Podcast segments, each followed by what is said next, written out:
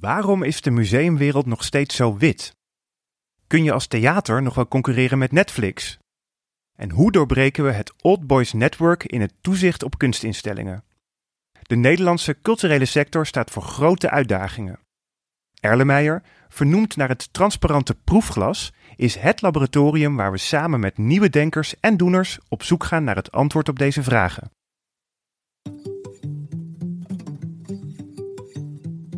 Want wij zijn van mening dat het debat in de cultuursector nog te vaak door dezelfde mensen gevoerd wordt. En dat we daarmee niet per se vooruitkomen. Wij zijn Roy Kremers en Naima Boustawi. In de Erlenmeyer podcast staan we samen met een inspirerende gast stil bij urgente thema's. In de komende aflevering bespreken we het thema culturele diversiteit. Het staat al jaren hoog op de politieke agenda, maar bezoek een willekeurige schouwburg en meestal is de zaal hartstikke wit en 50 plus. Met wie kunnen we dit thema beter bespreken dan met Touria Meliani, wethouder kunst en cultuur in Amsterdam. Touria, welkom.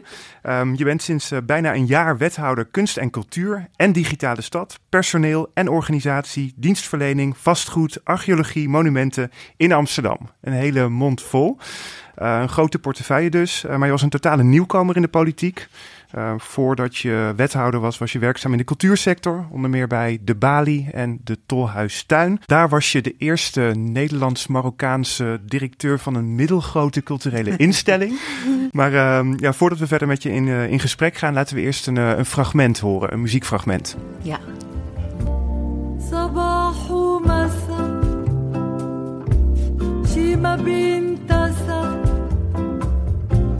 تركت الأسى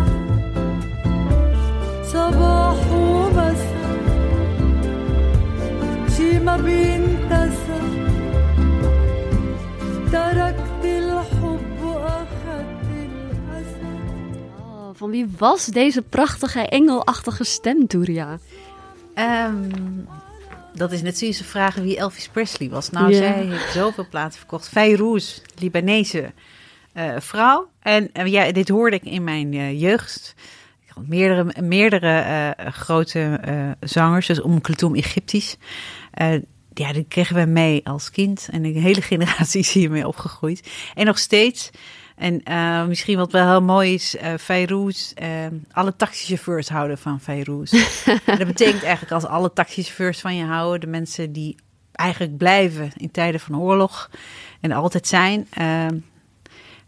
Als die er zijn en zij van je houden, dan, dan houdt iedereen van je. Ja. En dat betekent dat zij heeft gewoon gedurende de oorlog altijd in haar land gebleven en is niet weggegaan. Ja, tijdens de Libanon-oorlog, hè? Precies. Ja. Daarom is zij eigenlijk een van de, zeg maar, het gezicht ja. voor uh, alles wat mooi en schoon en prachtig is. Dat het kan blijven leven, ook in tijden van oorlog. Mm -hmm. En ik denk dat dit ook iets is wat ik in mijn jeugd gehoord heb. Want, uh, want mijn moeder uh, moest ook zes kinderen alleen opvoeden in tijden van uh, ja, migratie. Eigenlijk geen enkele idee van een perspectief, maar wel zes tot twaalf zo cassettebandjes die ze meenam, met haar leven bewaakt heeft.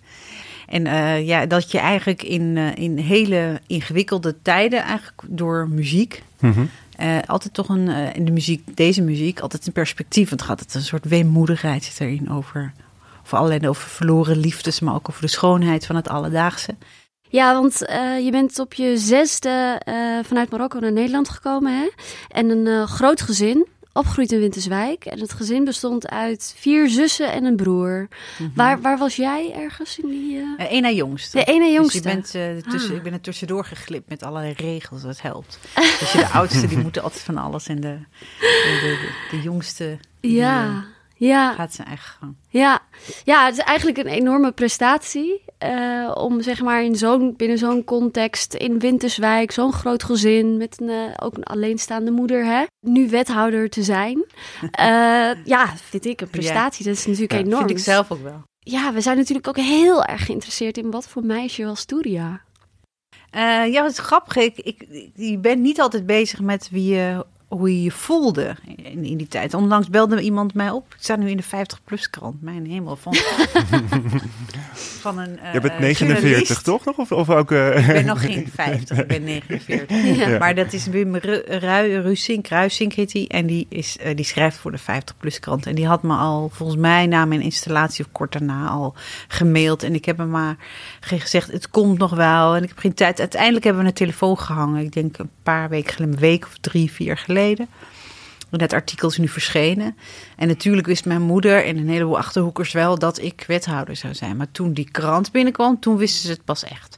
En toen is daardoor eh, door, is, die, is die man gaan bellen met een oud leraar en een, eh, een dame waar ik werkte eh, op de markt. de, de, de, de baas waar ik toen voor werkte, Joke Put en Fred Bos en Hanneke Hanegaaf. Die zijn allemaal gebeld om, om, om dat. En toen kwam het allemaal naar boven. En toen voelde ik weer wie ik was. En zij schreven daar ook over dat ik blijkbaar toch een soort van onafhankelijk was in, in bepaalde dingen. En in, in wat ik wilde. Terwijl, ja, ik werkte in die markt en op een bepaald moment zei ik tegen de eigenaar van de markt: Ja, ik kom niet op een zaterdag. Dat was je bijbaan toen. Hoe, Ja, hoe zo- oud was jij? Ja, 15. Ja, van eh, eh, vandaag kom ik niet werken, had ik gezegd. Toen dacht ik, ja, wat zegt dat iets over mij? Toen zei ze niet van, je ging je niet ziek melden, maar je zei gewoon, ik heb geen zin.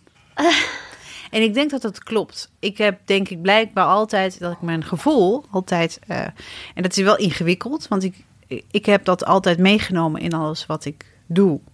En een gevoel is niet iets van, nou, dan, dan weet je niet waar je, eh, eh, dan heb je het niet op rijtje. Want we worden heel erg rationeel opgegroeid. En ik denk dat ik als kind eh, dat gevoel altijd belangrijk vond. Dus dat is in alles wat ik, ik wilde altijd van alles doen. En ik vond muziek belangrijk en theater belangrijk. En daar is denk ik ook de, dat al heel als kind al ontstaan, is dat ik eh, alles wat mijn gevoel raakte, Mhm. dat ik daar iets mee wilde doen.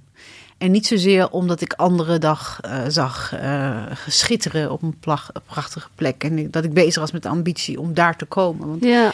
dat, dat weet ik niet. Dus ik heb hem meanderend het leven ontmoet. En dat betekent dus dat ik eigenlijk dingen op mij laat afkomen. En Ja, niet ja. per definitie. Dus dan neem ik iets aan en dan blijf ik dat afmaken tot het klaar is, omdat ik nog niet klaar ben. En Ja, dan ja. van mensen af is, dan ga ik weer weg. Eh, maar niet omdat het moet, maar omdat Nee. ik voel dat ik dat wil doen. Ja. En, en, en, dan, en dan ben ik nog een volhouder. Dus ik ben eh, heel erg van de lange adem. Mhm. Dus ook als ik eh, het heel zwaar vind en heel moeilijk vind, dan, dan ga ik niet weg. Nee. Ik ben wel iemand die even dan doorpakt tot het klaar is.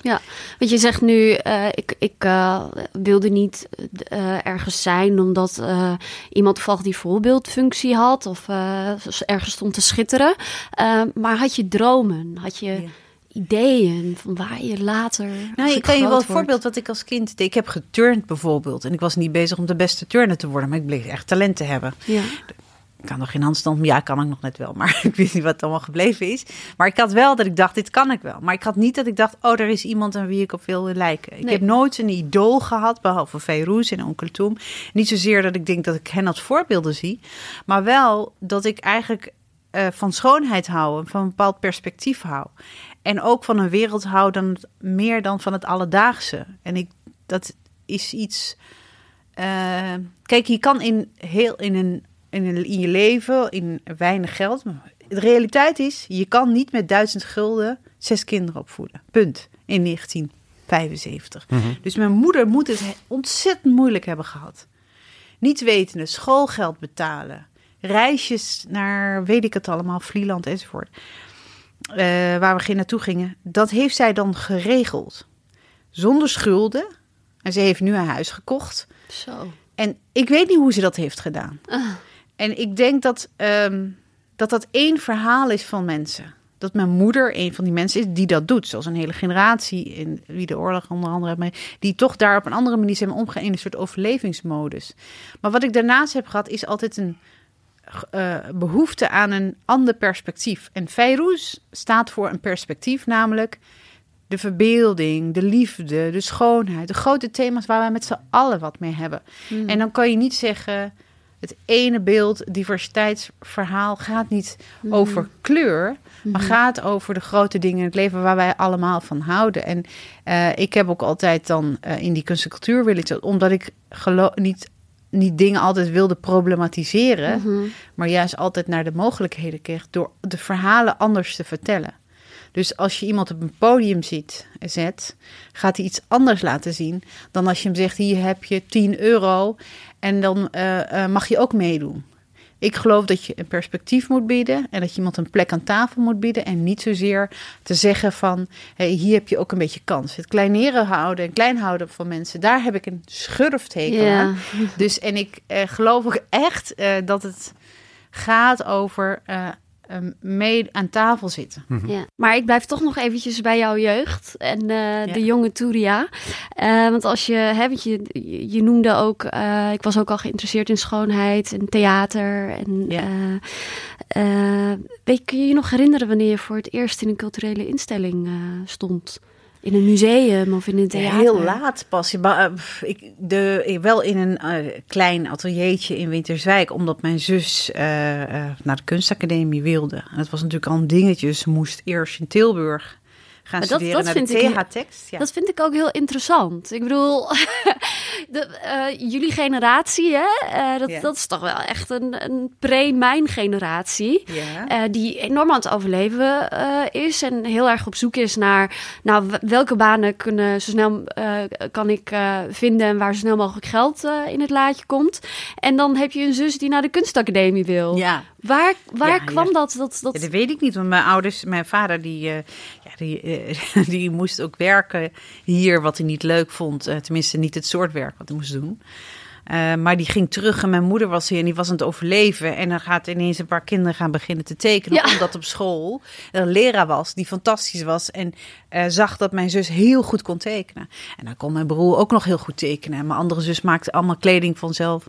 Van re- recy- vintage heet dat nou gewoon tweedehands winkel. Ja. Maar goed, dat maakte zij opnieuw kleding van. Dus die liep er ook altijd super hip bij. Eh, en ja, dat zit allemaal in henzelf. Het was een wereld in een wereld, eh, in een dorp, wat helemaal niet zo was. Nee. Ehm, ja, ik weet niet hoe dat komt. Ik weet alleen dat mijn moeder eh, super creatief was in eten en hoe zij het leven runde. Dus ze zei ze, ja, we gaan drie dagen linzen eten of allerlei bonen. Want de week of een paar dagen krijg je artisjokken. Nou, was in die tijd onmogelijk. Het was één die delicatessenwinkel.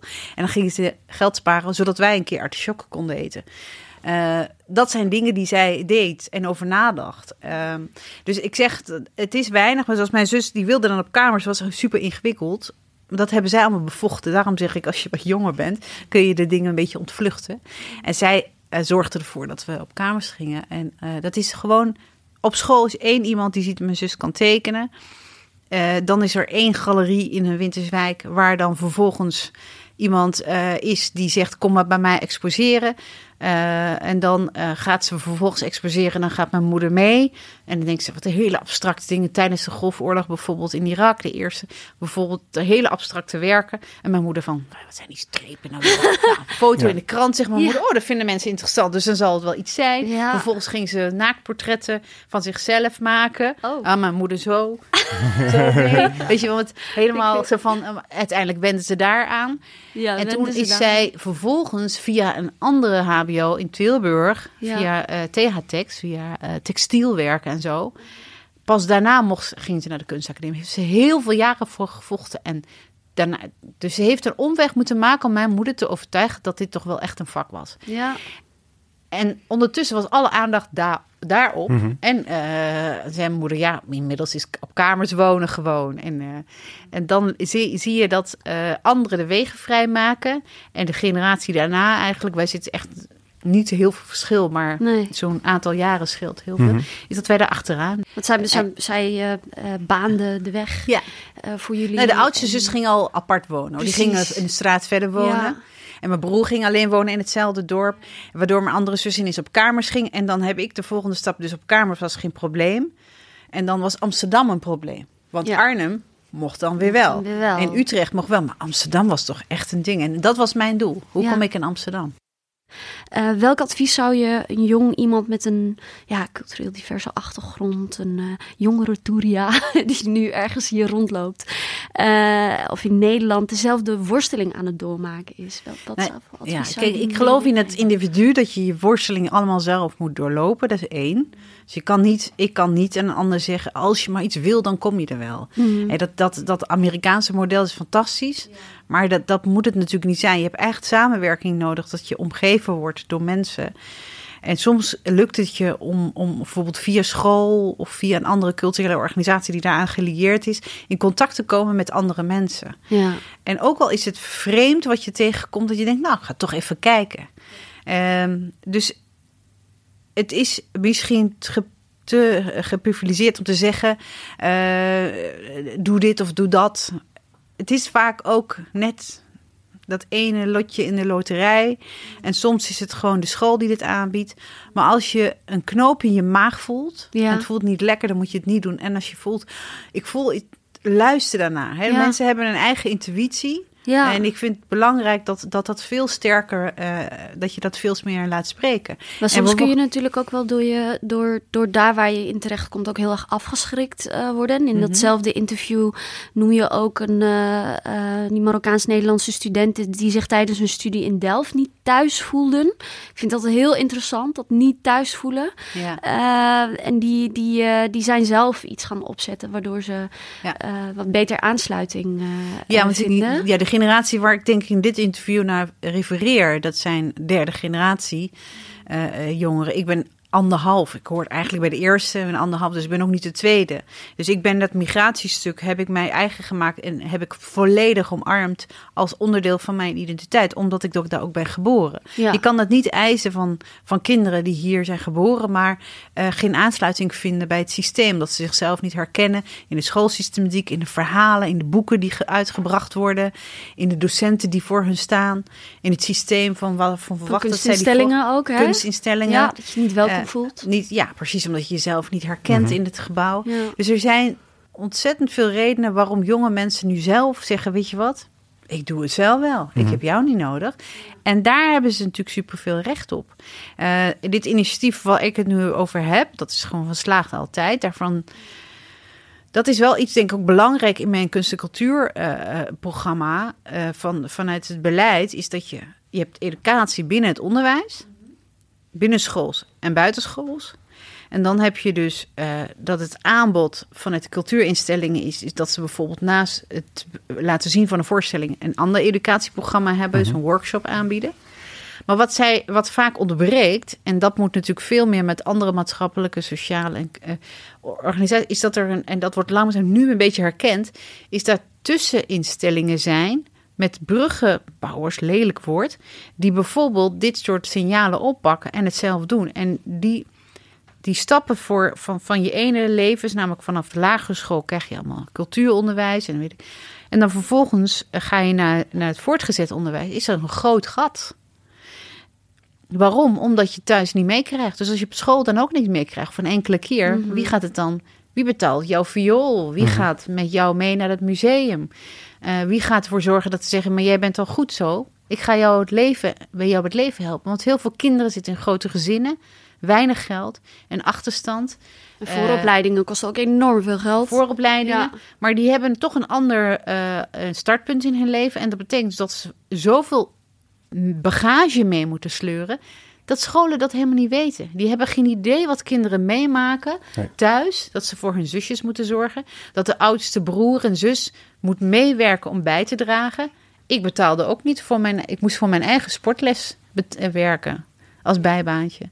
Ik moest voor alles wat ik deed zelf bijbetalen. En onderwijs, als je gaat studeren, moet je je eigen collegegeld betalen. Je moet je eigen kamer. Dat betekent dat je de halve week van je moet werken Ja. Om te kunnen studeren. En dan ben je uitgeput. En dan moet je nog met je familie. En dan moet je met dit.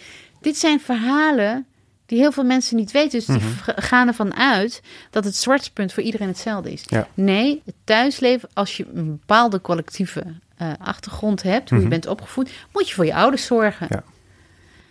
Dat, ga, dat, dat gaat gewoon. En anderen hebben dat niet, denken, ja, maar dat heb je toch, doen toch anderen. Waardoor je de referentiekaders van mensen die nu aan het roer zijn en die de bepalende factor zijn, die hebben een referentiekader die niet, aansluit bij een hele grote groep. Dus ze richten ook hun systemen niet zo in.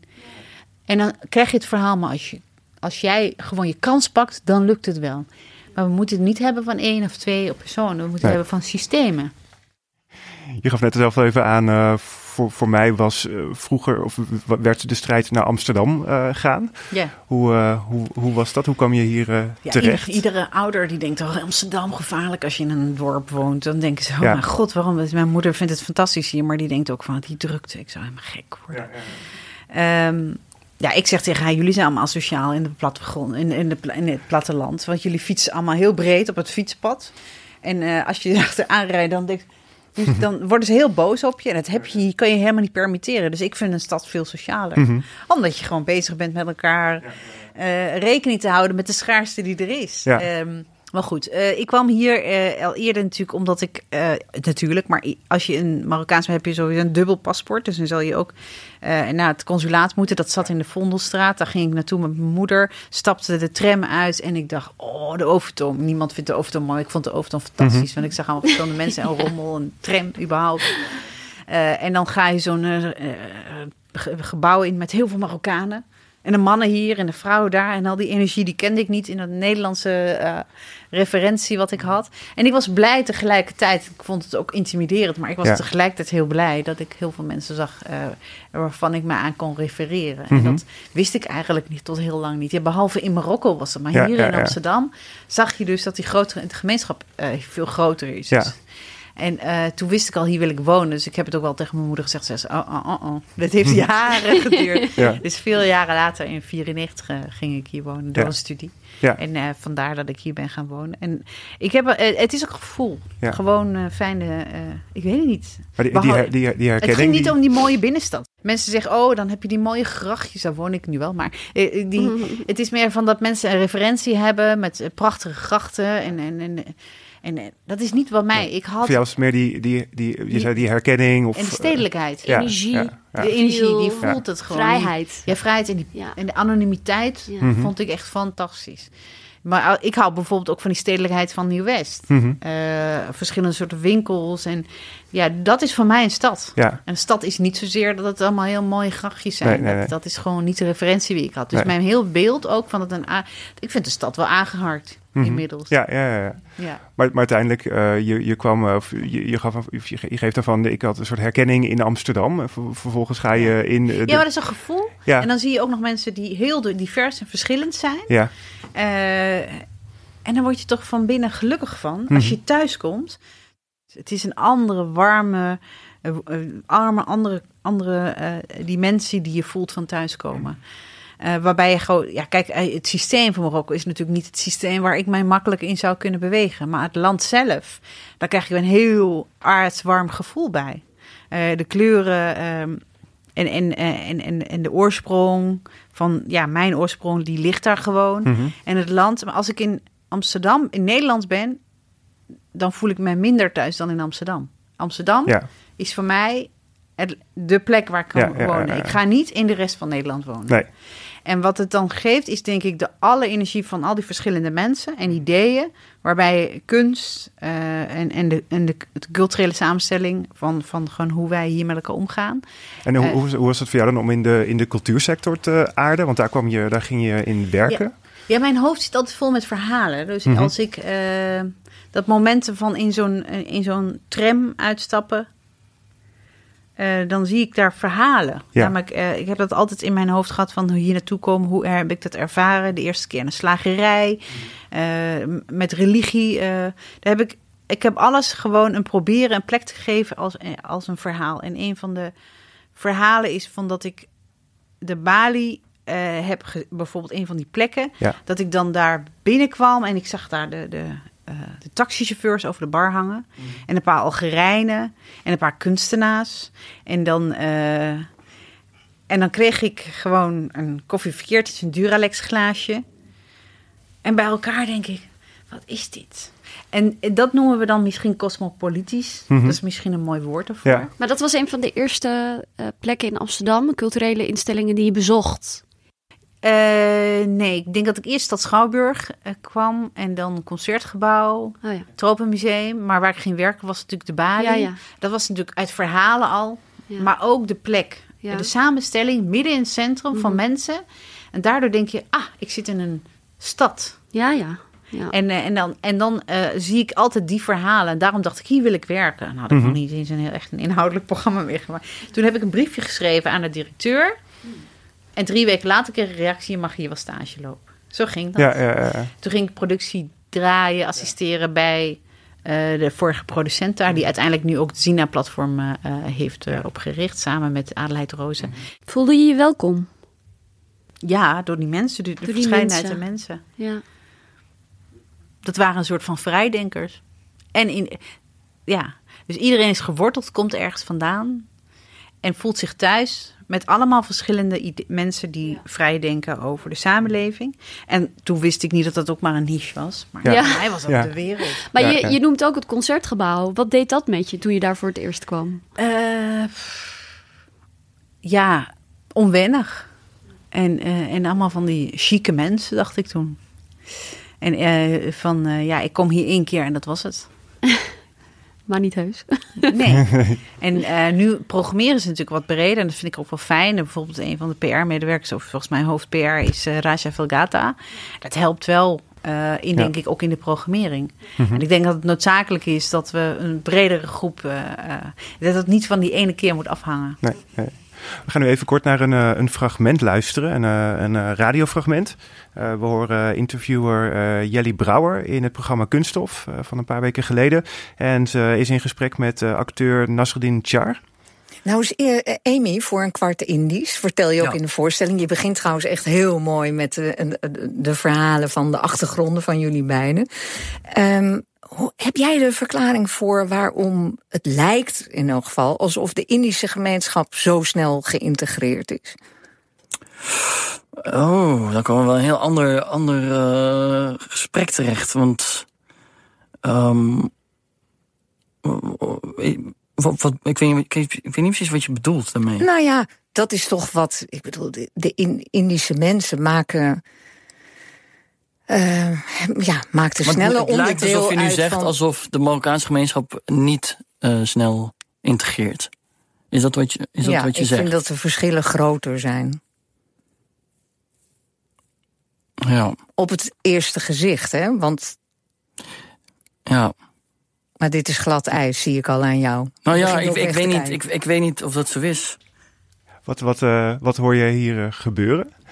Eh, nou, eh, iets wat eh, nu veel vaker gebeurt, en daar ben ik heel blij om, is dat er een confrontatie plaatsvindt. Eh, en heel gênante momenten plaatsvinden waarbij eh, de ene niet bewust is van, van wat ze zegt en hij haar daarop confronteert en ook gechoqueerd is over wat hier gebeurt. En, en dit is denk ik, heeft met bewustzijn te maken. Ja, Dat, er dus, dat wij beelden hebben van, van, andere, van sommige mensen. ja. En dat we dat eh, dan zomaar impliceren en dat hij haar daarmee confronteert. Ja, want dat, het is wel, het is, eh, we hadden Naima Weesma op dit, eh, dit, dit, interview of dit gesprek. En in eerste instantie toen ik het luisterde, dacht ik van, oh wat onhandig van haar om het zo te doen. Maar ik had niet, ik had daar niet per se een, een negatieve connotatie bij. Eh, terwijl Naima toen eh, zei van, ja, maar dit is, dit, Gechoqueerd dit- ja, dit is gewoon echt buitensluiting. En dat ik zei van, oh, maar ja, en dat, dan, daar zit volgens mij, daar, Ja. daar druk je, voor, of daar drukken volgens mij dan ook de vinger op de zere Precies. plek. Exact dat, Ehm. ja. Nou, ik denk dat dat is denk ik waar dit eh, over gaat, is dat er te weinig bewustzijn over wat mensen nou echt zeggen. Ja, Dat betekent dat je eigenlijk ervan uitgaat dat de Indische, en dat zeggen ze later ook van, de Indische cultuur praten heel veel niet. Dat komt ook nu pas meer naar boven. En de vraag is waarom Ja. niet? ja, maar het gaat natuurlijk ook heel erg van, ze legt bij één iemand iets neer van, goh, geef jij eens even antwoord waarom. Nou, niet eh, alleen dat, eh, geef jij eens antwoord. Ze, zet, ze zegt letterlijk eh, iets te, ze denkt iets te weten A over de Indische. Daar speelt een heleboel. mhm. Daar praat ze niet over. Ze heeft het alleen over die ene groep. En daarmee zet je eigenlijk alweer verschil tussen de ene groep en anders. Dus dat, is te ma- dat heeft te maken met ehm, dat wij ergens in dit vraagstuk denken te weten waar dit over gaat. En dat we eigenlijk daarmee dingen in stand houden. En Mhm. niet te weinig naar onszelf durven te kijken. In dit geval zij, ik denk dat er nog maar vanuit één kant... en dat heeft te maken met een soort eh, vooroordeel, bias... wat, we, wat echt mensen hebben en alleen maar nog versterken. En hij zegt ook, ja, de media heeft hier ook een rol in te Ja, spelen. ja, ja. En die dient hier ook verantwoordelijkheid in te dragen. het, het lijkt licht, het is heel ernstig. Ja. En dat, dat is denk ik precies inderdaad waar, waar we hè, in de gesprekken waar wij het over hadden, dat wij dachten, maar moeten we het ook niet gewoon ook hebben over die uitsluiting? En moeten we het beestje niet bij de naam noemen? Namelijk, het gaat om uitsluiting, discriminatie, racisme. Dat is waar het op het moment gaat. dat je het inderdaad hebt over inclu- inclusiviteit en diversiteit. En op het moment dat je zegt dat gaat om discriminatie en racisme, ja, het is een soort van de olifant in de kamer waar niemand durft erover te praten. Iedereen Ja. zegt dat het belangrijk is. Maar dit, dit, de- die acteur, hè, Nasruddin, die, die, die, die, ik weet dat hij zegt dat hij dit zo vaak meemaakt. En ik weet zeker dat jij dat ook heel vaak hebt meegemaakt in je leven. En ik en anderen met mij. Eh, ja, moeten, daar moeten we het denk ik ook een keer over hebben. Nou, we, we voeren het wel, maar het is nog iets wat heel niet zonder slag of stoot gaat. Mensen, het, Ja. het doet pijn en mensen denken, oh, dat doet pijn, dus daar gaan we er maar niet over hebben. Maar ondertussen zeggen ze wel dingen waardoor dit in stand wordt gehouden. Je moet het beetje bij de naam, naam noemen. En ik denk dat er nu een hele grote groep dat ook continu doet, maar nog steeds in een hoek wordt gezien, gedreven als degene die, eh, die moeilijk doen. En het moeilijk doen betekent dus dat degene die moeilijk een, een, een positie inneemt, dat een geprivilegeerde positie inneemt, om zich dat zomaar toe te eigenen en zomaar te zeggen dat dat zo is. En dat maakt dat dit gesprek eh, de komende jaren eh, eh, ja, natuurlijk ingewikkeld blijft. Mhm. Maar ik denk wel dat er nu al langzamerhand dingen aan het ontstaan zijn. Het feit dat we er nu over hebben. ehm, dat is niet, dat, dat eh, komt niet zonder slag of stoot. Er zijn heel veel mensen die zich wel echt de nek, eh, zeg maar, nek uitsteken om dit eh, Mhm. vraagstuk. Heb je dat zelf eh, bij, eh, want bij de Tolhuistuin, eh, je, bent, je bent echt vanaf het begin bij de Tolhuistuin betrokken geweest. vanaf 2013 ook als directeur. Inclusiviteit was een van de speerpunten. En dat heb je voor een heel groot deel ook gewoon echt kunnen doen. Merkte je op daar het ook... podium. Op, precies, in de presentatie. Ehm, merkte je daar ook een bepaalde vorm van weerstand? Of- Nee, nee, maar dit, het, het heeft niet eens met. Het probleem is op het moment dat je in een. in, in een systeem zit waar je zelf de enige bent. Want daar is het hele probleem. eh, eh, dan moet jij het diversiteitsvraagstuk oplossen.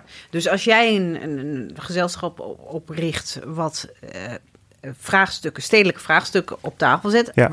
met een diverse achtergrond, wat logisch is in een stad die divers is, dan wordt dat in een categorie geplaatst. Zo, zij Mhm. mag haar dingetje doen, haar spelletje doen, haar mensjes op het podium zetten. En dan strepen we het af. En dat is die cosmetische versie, waar ik natuurlijk echt allergisch voor ben. Ja, ja, ja. Ja. Maar wat ik natuurlijk in mijn werk veel mee te, mee te maken had gehad. En dat ik dat dan moest oplossen, was iedereen even blij. En het spraken we niet over. En dan gaan we door tot de orde van de dag de echte problemen Precies. bespreken. De echte dingen die ertoe doen. Maar het is toch eigenlijk bizar? Eh, ja, maar dat heeft te maken met eh, dat je blijkbaar ehm, in Nederland het heel moeilijk is om dit vraagstuk te agenderen. Dat uitsluiting, discriminatie in Nederlanders zich op dat vlak dat vinden het heel moeilijk om als racist uitgemaakt te worden. Dat willen Ja. ze niet horen. Dat, want ze zijn goed voor anderen. Ze doen dingen voor anderen. Ze zorgen voor goed onderwijs. Ze- en ik geloof ook dat, ze, dat Nederland daar ook echt heel goed in is. Mhm. Maar er is één vraagstuk wat niet bespreekbaar is. En dat is dit vraagstuk. En wat, wat kunnen we daaraan doen? Dat is gewoon. Nou, ehm, kijk, in Amsterdam is het natuurlijk echt een heel vrij stad waar je dit allemaal wel op plek kan. Denk je? Maar toch ook. Het is Ik denk, toch, ik ja. denk juist dat, dat, dat, dat men dat denkt van zichzelf. Nee, dat maar in Amsterdam stiekem- eh, heb je sneller een plek waar je nog ergens mensen kan ontmoeten waar je Ja, dit over kan oh ja. bespreken. Mhm. Ja. Dat lijkt me moeilijker in andere steden, eh, voor andere plekken buiten, buiten de grote steden, omdat je daar eh, weinig, ja, nou ja, ik weet niet jouw ervaring is, maar ik, ik weet dat omdat ik zelf in een dorp ben opgegroeid. Ik in En dan heeft het helemaal geen bestaansrecht. Eh, want dan moet je het helemaal hebben alleen maar over verbinden. Ja. Mensen vinden dat heel Ja. fijn, dat je de hele dag verbindt. Ja. Ja, je mag niet ergens met je vuist op tafel slaan en zeggen... nou luister, ik kan wel de hele dag verbinden... maar dan moeten we Mhm. wel gelijk aan tafel zitten. Zitten we gelijk? Hebben we evenals stem aan tafel? En durf jij naar jezelf te kijken en durf ik naar mezelf te kijken? Ja. Dan kun je een gesprek voeren. Mhm. Maar ik, ik zeg, maar ik ben met mijn culturele achtergrond ook. eh, eh, eh, in Marokko maak ik ook racisme tegen. Zeker. Kom ik ook te- racisme. Ja. Dus ik ga niet doen dat bepaalde doelgroepen niet Het uitsluiten. alleen doen, inderdaad. Want Het ik, alleen, ik kan zien hoe heel veel Afrikanen uit West-Afrika die naar Marokko gaan, Ja. ook uitgesloten worden. Dus ik wil het absoluut niet ophangen aan dat kleur niet. Nee. ook discrimineert. ja. daarom. Dus ik, ik wil het eruit. Het is belangrijk om. Alleen, ik wil dat niet als argument continu gebruiken om te zeggen we zijn allemaal gelijk. Mhm. Want het is niet zo. Er is namelijk een onderscheid in hoe die stad eh, in elkaar zit. In Nieuw-West, in Noord- en Zuidoost. We investeren daar veel minder in. En daar wonen heel veel bepaalde groepen van be- bepaalde diverse achtergronden waar te weinig voor wordt gedaan. Dus ja, eh, mensen, de referentiekader voor kinderen in bepaalde gebieden is namelijk dat ze alles meekrijgen, dat ze Ja. alles hebben. Dus Ja. ik geloof dat je het hebt over rechtvaardigheid moet Mhm. hebben Mhm. en kansengelijkheid en tegelijkertijd een plek aan tafel moet hebben. Ja. Mhm. En dat je beide dingen moet bespreken. Maar ik denk ook wel een deel met, met bewustzijn. Of het, het, het. En ik weet niet, eh, want voor mij was dit eh, dat, dat we het erover hadden. En dat ik zei van ja, jeetje, ik, ik, want ik krijg hier gewoon niet mee te maken eigenlijk met, met ra- racisme. Ehm, ik word niet, mij, mij wordt niet, een, ik, ik hoef niet in een, in een gesprek ehm, mijn, eh, eh, een, een, ehm, de. Nederlanders te verantwoorden Ja. of iets. Ik ken dat helemaal niet. Nee. En dat juist doordat, doordat, het, doordat iemand benoemde, dacht ik van, oh ja, maar dit is natuurlijk heel vreemd dat dit, dat, of, nou ja, het is eigenlijk schokkend dat het gebeurt, dat Ja. het in, in 2019 eh, nog steeds gebeurt. Ja. En, maar ja, aan de andere kant is het wel goed dat we het er wel eindelijk over hebben, want blijkbaar is het dus al die jaren hiervoor niet gebeurd of veel minder Nee, of- hebben. Je- Je moet dus blijkbaar met je vuist op tafel slaan. Wil het geagendeerd Ja. eh, worden? En ik denk dat dat eigenlijk eh, iets is waar we gewoon eh, echt naar moeten durven kijken. Ja. Het is gewoon een beetje in het licht te zetten. Ja. Mhm, mhm. Eh, dat, dat gegeven dat, eh, is essentieel bij, bij, bij dit vraagstuk. Je ziet het bijvoorbeeld in- binnen de, de, de redacties en de media. Mhm. Eh, daar, is, daar is het natuurlijk veel ingewikkelder om, om, om dat nog eh, eh, veel diverser te krijgen. Eh, Siada Nur Hussen, die bijvoorbeeld nu zegt... ja, ik, daarom die reden ben ik bij zijn column gestopt. Op het moment dat zij een aantal vraagstukken wil beschikbaar wil maken... maar daar, daarin heeft zij dat ook natuurlijk beschreven... is dat ze eigenlijk expliciet eindelijk kon uitleggen waar dit over gaat. Is dat zij met veel groffer taalgeweld eh, te maken krijgt dan anderen. En dat zij dat als, als heel gewoon heeft ervaren... terwijl haar eh, witte collega's dat niet hebben. Nee. Die zeggen dat jij zo rustig doet als je zo wordt aangevallen. Ja. Eh, dat komt dat dus waar we dus blijkbaar van uitgaan, is dat iemand anders daar maar mee, in zijn eentje maar mee moet zitten. Het feit dat ze het met de wereld deelt, dat is noodzakelijk. Ja. Ja. We dragen het allemaal alleen en los van elkaar. Mhm. En we willen een gelijke plek aan tafel. Ja. En dat is. ehm, eh, Maar dat is- je, je bent nu wethouder. Ja. En je hebt, eh, je hebt een, eh, bijna een jaar erop zitten. En je kan met die vuist op tafel slaan. Ja, Wat, wat, maar niet in mijn eentje. hè? Nee, niet in je eentje. Maar wij hebben een keer, of een, tijdje geleden, hebben we de sessie, een sessie gehad. Hè? En eh, toen sprak Maurice Krul, eh, hoogleraar aan de VU. En die Ja. vertelde dat, eh, dat Amsterdam, eh, dat nog maar 49% van de bevolking autochtoon is. En dat iedereen eigenlijk een minderheid is. Ja, klopt. En hij noemde Amsterdam super divers. En, en sterker nog, hij zegt: kijken we bijvoorbeeld naar de jongeren van onder de 15 jaar, dan vormen jongeren van Nederlandse afkomst nog slechts een derde van de stadsjeugd. En dan vraag ik me af, en wij, Roy en ik, wat doet de wethouder kunst en cultuur met deze informatie, wetende dat de cultuursector bestaat uit voornamelijk witte mensen? Ja. Voor witte mensen. Ja, en dan is er ook nog dat 90% van de mensen. En eh, die wonen in andere stadsdelen. Dus eh, in Noord, Nieuw-West, Zuidoost. En 10% woont in het centrum. Maar 90% van de instellingen zit in het centrum. Ja. Dus dat betekent dus dat die 90% van die instellingen... dat die veel meer hun deuren moeten openen. En ook veel diverser moeten worden. Eh, en het diversiteitsvraagstuk staat natuurlijk al jarenlang wel op de agenda. Ja. En maar waarbij iedereen zich moet houden aan de code culturele diversiteit. Nou, moet niet, hè? Moet het is, niet. eh, het wordt afgevinkt. Laat ik Ja, het zo ja, zeggen. Ja. Eh, en dan is de ambitie vaak, eh, wat mij betreft, nog niet zo heel ambitieus. Van ja, over vijf jaar heb ik iemand, iemand in mijn raad van toezicht met een cultureel diverse achtergrond. Nou, en dat netwerk is van dat vaak dan dezelfde worden gevraagd, maar er niet een nieuw netwerk meer binnenkomt. Nou, Nee. hoe ga je dat dan organiseren? Ik moet dus nadenken over een structuur. In New York bijvoorbeeld doen ze het veel strenger. Daar zit een, eh, een soort wethouder achter het commissioner, eh, die, de- die dan nadenkt over eerst moet je, elke instelling moet zich eh, moet een soort van zijn eigen bedrijf doorlichten op basis van publiek programma's, maar ook het diversiteitsprofiel. Hoeveel mensen werken daar, hoeveel mensen. En op basis daarvan ook kijken welke subsidie er naartoe gaat. Dus je kan eh, de New Yorkse wijze gaan invoeren. Ja. Maar ja, cultuureducatie is natuurlijk heel belangrijk. En, en dat er doorlopende lijn is van, van Basis. laagbasisschool, Middelbaar. middelbaar. En wat doe je er dan weer tussen? Eh, en dan heb je natuurlijk het programma wat staat op het podium. Mhm. De stad groeit nog meer. Mhm. En je ziet dat juist wat ik net zei, die verschillende, de, dus drie stadsdelen, Noord, Nieuw, West, Zuid, Oost, dat daar juist Ja. nog veel meer huizen bij komen. En dat we dan eh, huizen gaan bouwen, maar dat we niet over maatschappelijke voorzieningen gaan nadenken. Daar moet het een en ander eh, nu gedaan. We hebben nu, ik heb nu een plan gemaakt, een strategisch huisvestingsplan voor kunst en cultuur. Dat betekent dus bij elke vierkante meter huis komt een vierkante meter kunst en dan, dan vullen we dat niet in hoor, maar dan Nee, zeggen nee. we ook zoveel vierkante meter blijft vrij. Dan kun je die bijbouwen. Ja, Of dan laat je plek voor op, kunst in de openbare ruimte. Super nieuw. Dus dat is nog nooit eerder gedaan. Ehm, en dan eh, willen we ook kijken hoe we juist zorgen dat de, eh, het AFK, wat nu veel meer de experimentele eh, wijkgericht, dat die nog wat sterker, maar dat de wijken ook veel nauwer betrokken worden dan we nu doen. Want die worden eigenlijk, want het is niet zo dat we alleen nog maar in het centrum de dingen moeten Nee. gaan ontwikkelen. Dat die veel meer opengesteld moet worden voor de rest van de stad.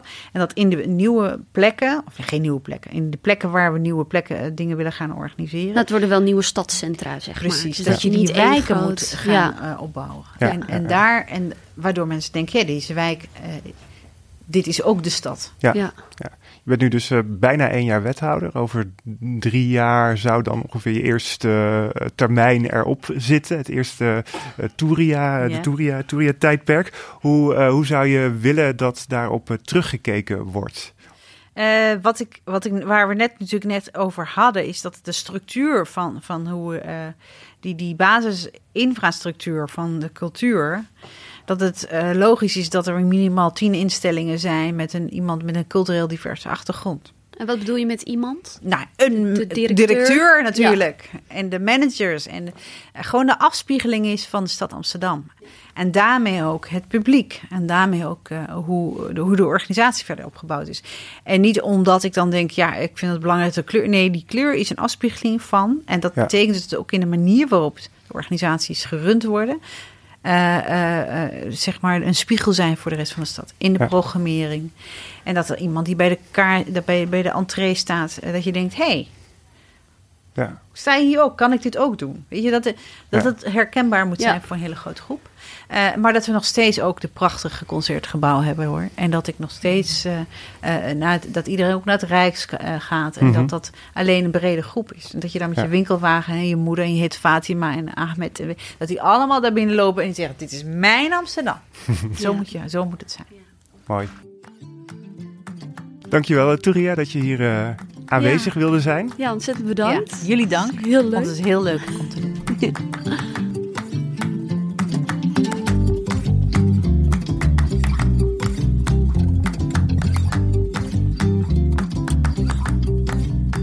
Zo, Zo. dat was onze eerste podcast. Yay. Onze eerste aflevering. Hoe vond je het gaan, Nima? Ja, ik vond hem eh, heel spannend. Ook omdat het natuurlijk onze eerste, aller, allereerste podcast is. Ever. Ever. En dan eh, meteen al de Amsterdamse wethouder kunst en cultuur. Eh, volgens mij heeft ze aardig wat ambities. En eh, met name wat betreft diversiteit. En ik ben dan ook heel erg benieuwd naar hoe dit eh, zal gaan in de uitwerking. Mhm. Ik vraag me af of de, of de stad hierop voorbereid is. Ja, ja, ja. Nee, wat ik wel. ik vond het wel een stoere uitspraak. dat ze tijdens haar wethouderschap het liefst tien directeuren ehm, met een biculturele achtergrond zou willen hebben bij Amsterdamse BIS-instellingen. En Ja, dat is volgens mij nog best wel een uitdaging. Ja, als ik, als ik even terugdenk van wat me ook wel eh, inzicht gaf, is dat ze ja, heel duidelijk aangaf dat het startpunt van heel veel kinderen en jongeren totaal anders ligt. Ehm, dat er in veel culturen van eh, kinderen verwacht wordt dat ze bijdragen aan het huishouden, dat ze voor hun eh, ouders, broers, zussen zorgen en dat ze ook bijvoorbeeld hun eigen studie en sport betalen. En dat leidt bij deze kinderen vaak tot heel veel ja, meer druk. En ehm, ze staan daardoor al ja, vrij vaak op, op 1-0 achterstand.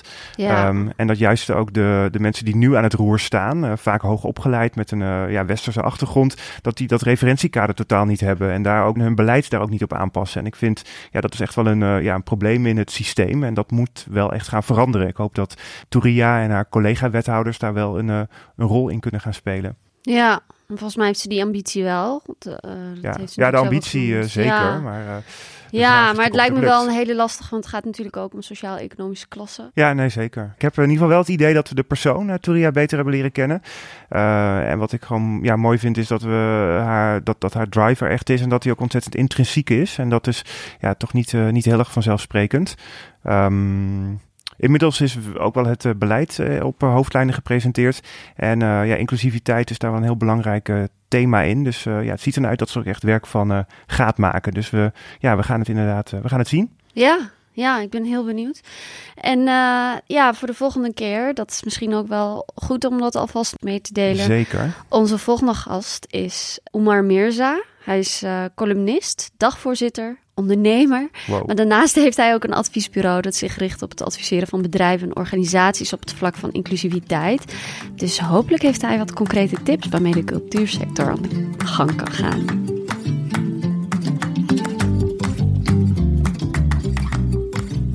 Dit was de Erlenmeyer podcast. Dankjewel voor het luisteren. En vond je het leuk? Laat dan een eh, review of rating achter. Dan kunnen ook andere mensen onze podcast makkelijk vinden. Wil je op de hoogte blijven of meediscussiëren? Ga dan naar erlenmeyer.nl of bezoek onze Facebookpagina.